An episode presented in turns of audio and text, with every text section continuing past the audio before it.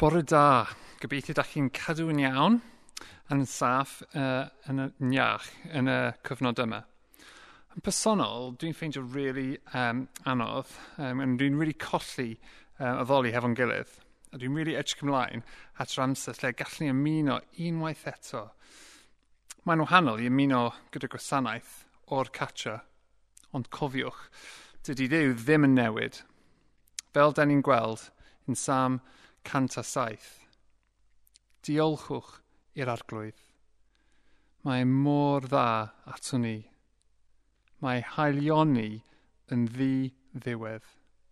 Felly, gadewch yn ni addoli.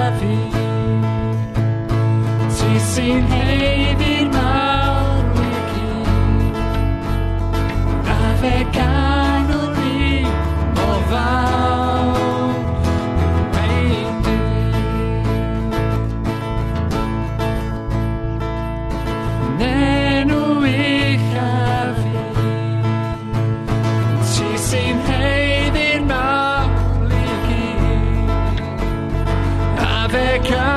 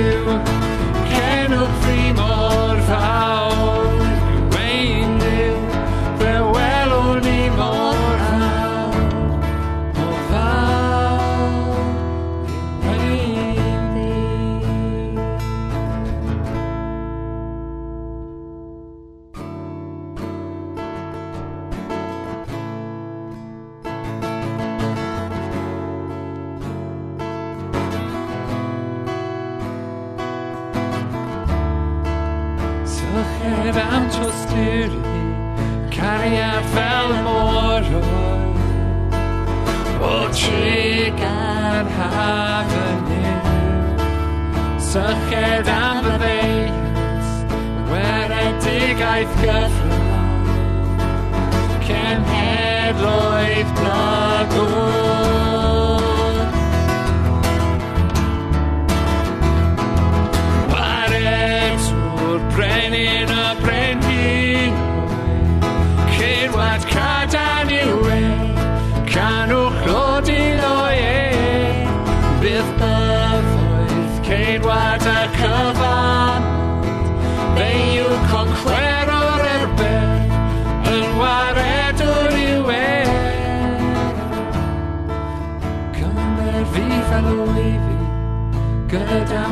salvation. Cała szana i tylna night. i meł, porfane najmniej.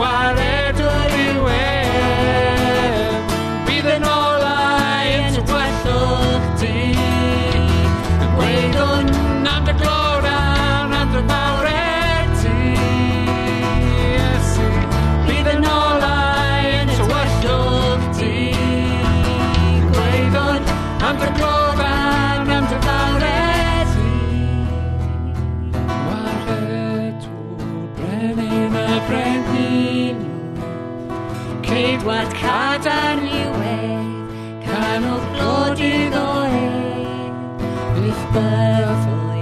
Ei guarda que fa molt, vell conquero de bed, the Lord had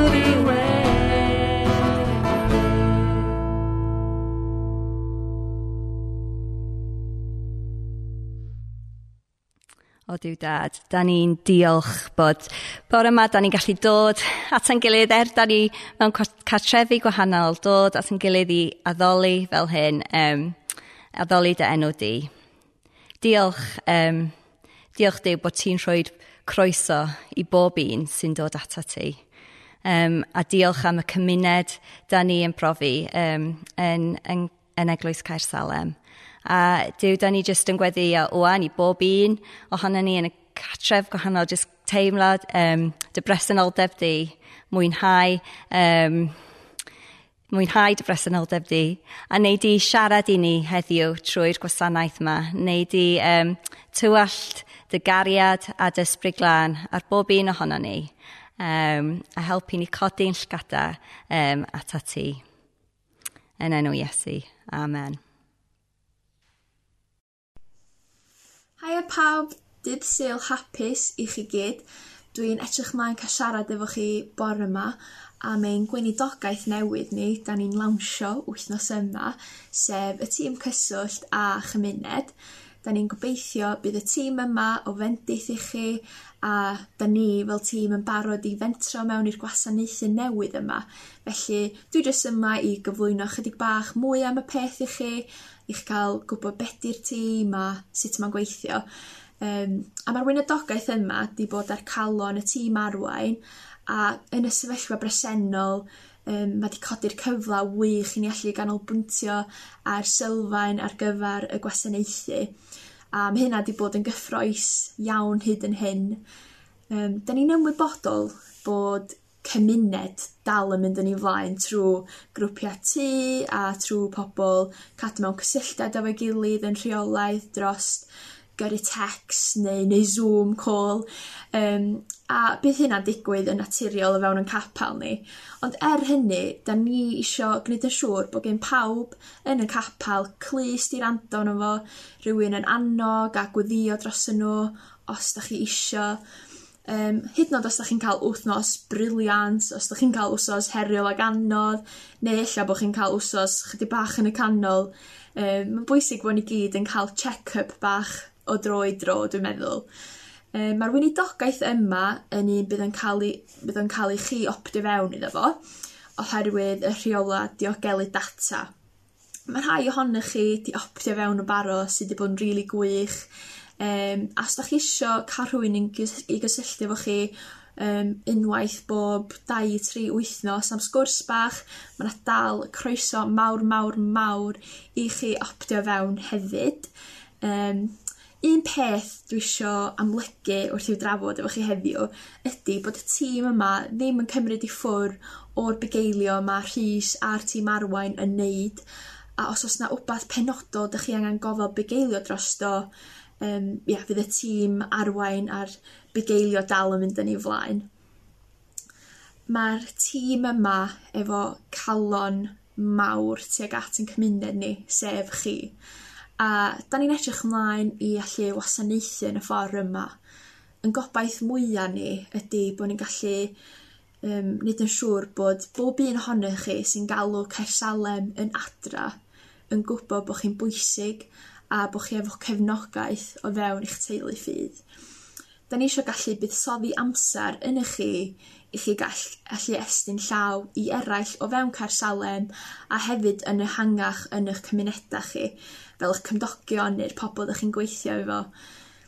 O brofiad personol ma'n gallu bod yn anodd weithia' ag yn niweidiol ceisio estyn allan at eraill a cefnogi nhw os, di he, os da chi heb gael eich llenwi gynta.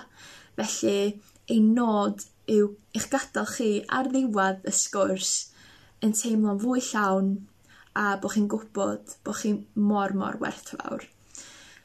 Da ni'n benderfynol cael hwn yn up and running wythnos yma, felly disgwyliwch gael negas neu alwad um, ganddyn ni yn y pethefnos nesaf Os oes gannoch chi unrhyw gwestiwn neu ymholiad mae groeso i chi e-bostio fi Um, mae hwn yn brofiad newydd i fi a i ni fel tîm ac i ni fel capel a da ni'n barod i fentro mewn efo colonna a clustia agorad i glywed be' mae Dyw eisiau ni wneud a eisiau ni brofi.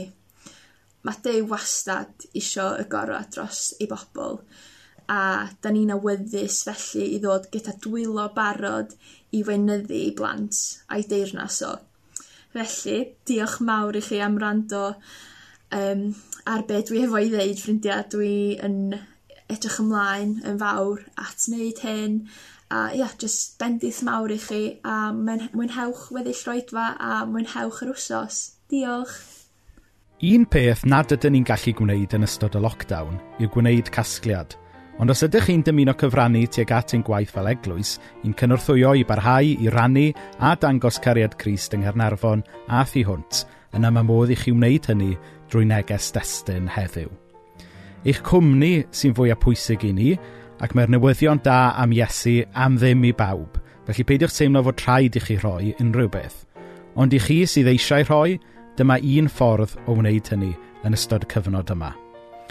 I gyfrannu pint, textiwch C Salem i 7 dim 1. I gyfrannu 5 punt, textiwch C Salem i 7 dim 9 7 dim. I gyfrannu 10 punt, textiwch C Salem i 7 dim 1 9 1. Codai'r tal neges destun ar eich cyfradd rhwydwaith safonol. Diolch am eich heilioni. Hai y ffrindiau, siwmai Rhys Gweinidog Cersalem sydd yma. Just eisiau rhoi diweddariad bach i chi ar drefniadau y cwrs alfa ar-lein.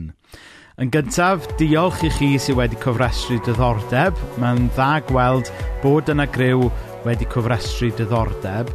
Ac ar sail be i chi wedi dweud ynglyn â pryd i chi ar gael, mae'n edrych fel mae nos iau yw'r noson fwyaf cyfleus i'r rhan fwyaf o bobl. Felly bydd y cwrs yn cychwyn nos iau y pedwerydd o fehefin. Nawr, i ni'n mynd i adael y ffurfren gofrestru ar agor tan y diwrnod. Rhaid ofn fod yna rhywun, munud ola a diddordeb dod ar y cwrs alfa.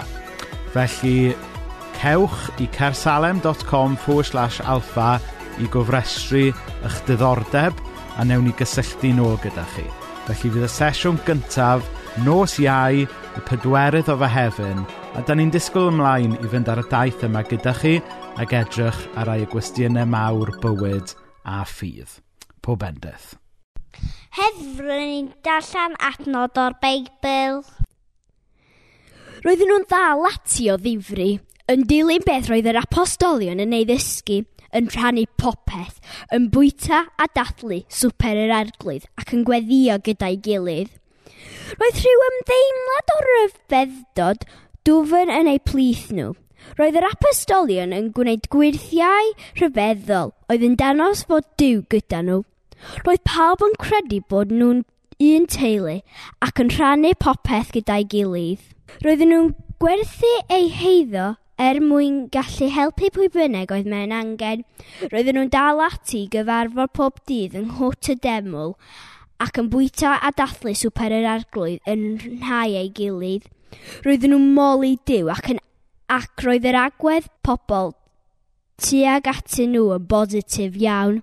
Roedd mwy a mwy o bobl yn ymuno nhw ac yn cael eu hachub gan diw pob dydd. Efallai eich bod chi'n aelod o Gersalem neu rhyw eglwys neu gapel arall ac yn dyheu eich profiad chi o eglwys – fod yn fwy cyflawn rhywset.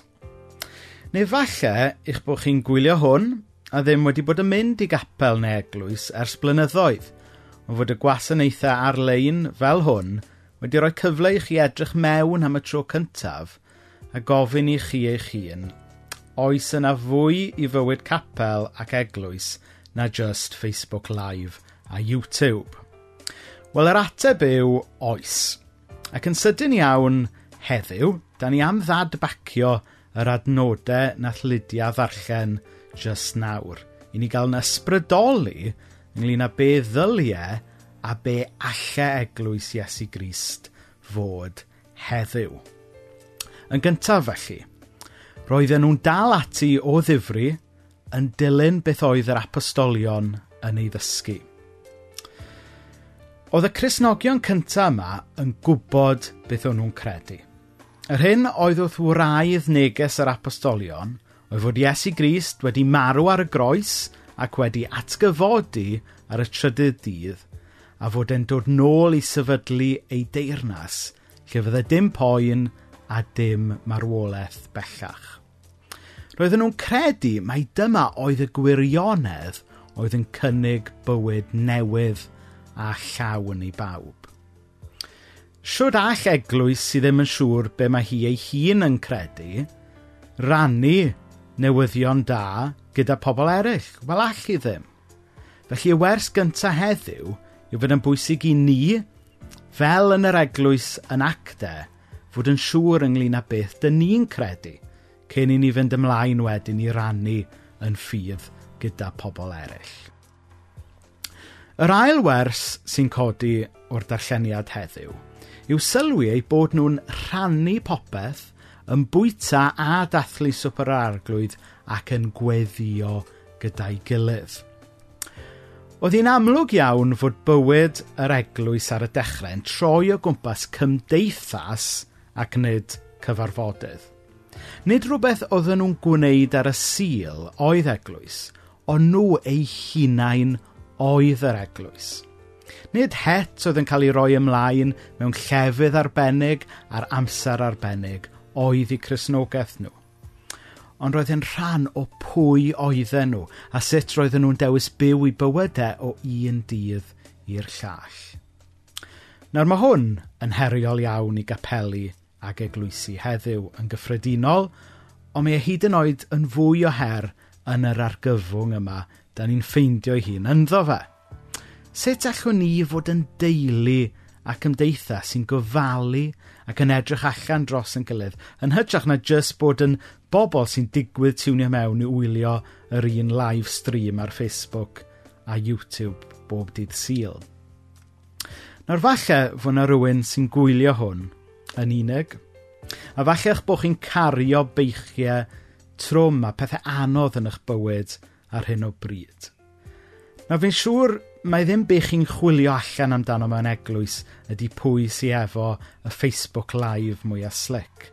Ond dwi'n siŵr mae be ydych chi'n chwilio amdano ydy cymuned a teulu y gallwch chi berthyn iddo. Wel, does dim y fath beth ag eglwys berffaith, ond mae yna groeso i chi yn heili Cersalem. A falle yng nghanol yr argyfwng yma, fod Dyw yn eich galw chi gysylltu gyda ni fel eglwys i ni allu cerdded trwy bywyd gyda chi.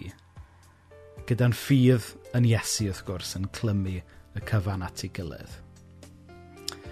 Yn drydydd, ni'n darllen eto fod rhyw ymdeimlad o ryfeddo dofn yn eu plith nhw. Roedd yr apostolion yn gwneud gwirthiau rhyfeddol oedd yn dangos fod Dyw gyda nhw. Roedden nhw'n moli Dyw ac roedd agwedd pobl tuag atyn nhw yn bositif iawn – Roedd mwy a mwy o bobl yn ymuno nhw ac yn cael eu hachub gan ddew bob dydd. Nawr, yr hyn sy'n taro rhywun yw'r ymadrodd yma fod agwedd pobl tuag atyn nhw yn bositif iawn. Nawr, y siarad yn gyffredinol, dydy agwedd llawer o Gymru tuag at yr eglwys a tuag at gapel ddim yn bositif iawn. Mae yna llawer o resymau cymleth a diwylliannol pam fod agwedd llawer o Gymru tuag at yr eglwys yn unegyddol, rhan fawr o'r broblem yw fod llawer o bobl yn gweld Cresnogaeth fel rhywbeth gafodd ei orfodi arnyn nhw pan yn blant, falle.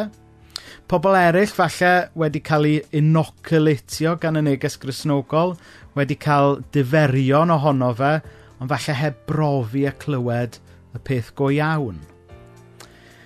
Nawr, mae'n hawdd i fi fel gweinidog a ni yn yr eglwys i bwyntio at bobl tu allan yr eglwys a dweud, o, pobl sy'n galon galed, pobl sy'n wedi cael meddyliau Iesu. A falle bod yna elfen o wirionedd yn hynny am rhai pobl. Ond yn aml, mae yna resymau digon dilys pam fod pobl wedi cymryd yn erbyn yr eglwys. Mae'n bwysig yn bod ni, fel pobl yr eglwys, yn sylweddoli hynny a dweud sori falle am yr argraff, yr cam argraff, a'r profiad negyddol dyn ni wedi rhoi i rhai pobl. Achos y reality yw fod llawer o bobl yn gwybod beth da ni fel Cresnogion yn ei erbyn, ond ddim llawer yn gwybod beth da ni o'i blaid. Ac felly fel eglwys, mae'n bwysig yn bod ni'n dysgu gwersi o'r portread hyfryd yma i ni'n cael am y Cresnogion cyntaf yma. Oedden nhw'n bobl oedd yn moli dew, oedd agwedd pobl tuag atyn nhw'n bositif iawn. Ac oedd e ynglyn â'r teulu, ynglyn â creu cymuned yn hytrach na creu sefydliad. Oedd Cresnogaeth yr Eglwys ar y dechrau'n llawn ysbryd a gwirionedd. Roedd ei draed ar y ddeiar, ond ei lyged tuag at y nefoedd a'r ddeiar newydd oedd yn torri trwyddo. Felly bore yma, Dwi eisiau dweud fod yna wahoddiad i chi, nid yn unig i gredu yn Iesu, ond mae yna wahoddiad i chi berthyn hefyd i deulu ac i gymuned Iesu. Os ydych chi'n byw yn ardal Cernarfon, mae yna groeso i chi berthyn i'n cymuned a'n teulu ni yma yng Nghersalem. Os ydych chi'n gwylio hwn o rolau arall, yna gaich annog chi gysylltu, plygio mewn – ac ymuno â cymuned ffydd le bynnag i chi'n byw. Tybed ar ôl i'r lockdown orffen, hyd yn oed cyn i'r lockdown orffen, wnewch chi chwilio am gymuned ffydd y gallwch chi hefyd berthyn iddo. Rholeg gallwch chi rannu bywyd gydag eraill, gyda cariad am y ddeiant Iesu yn clymu'r cyfan at ei gilydd. Dwi'n dymuno bod pawb yn adnabod a perthyn i Iesu. Ond mae'r Beibl hefyd yn dysgu ni fod yn bwysig i ni adnabod a perthyn i bobl Iesu hefyd, yr eglwys. Pob bendydd i chi.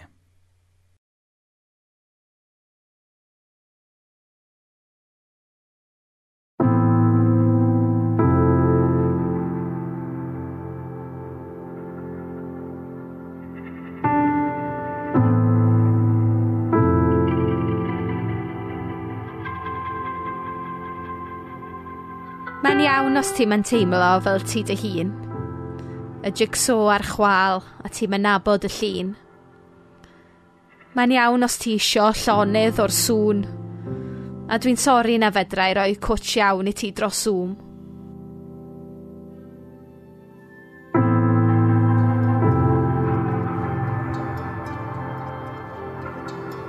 Mae'n iawn os nad wyt ti'n teimlo'n ddigon cri a'n methu gweld pwrpas i'r dyddiau di. Ond os oes na drewstiau ar drysau'r fro, does dim angen i ti gadw dy galon dan glo.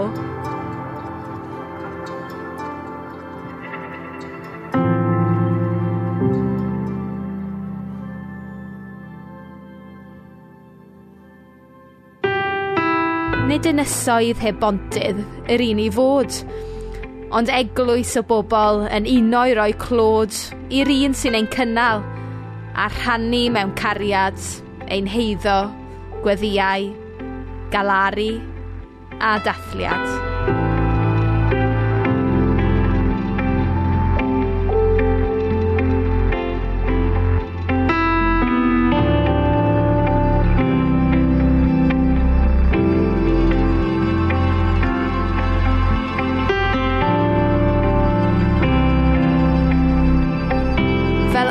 canu Moses, fe godwn dyfreichiau, pan deimlu di'n wan, fe safwn mewn bylchau rhwng deiar a nef, gan wybod mae'r Iesu sy'n cario ein beichiau, yw'r un sy'n teirnasu.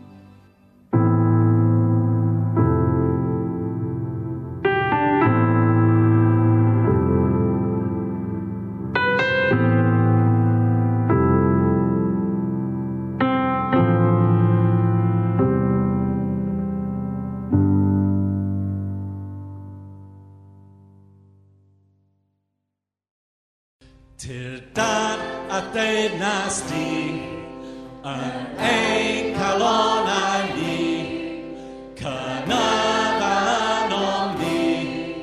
That's gideon me, row down.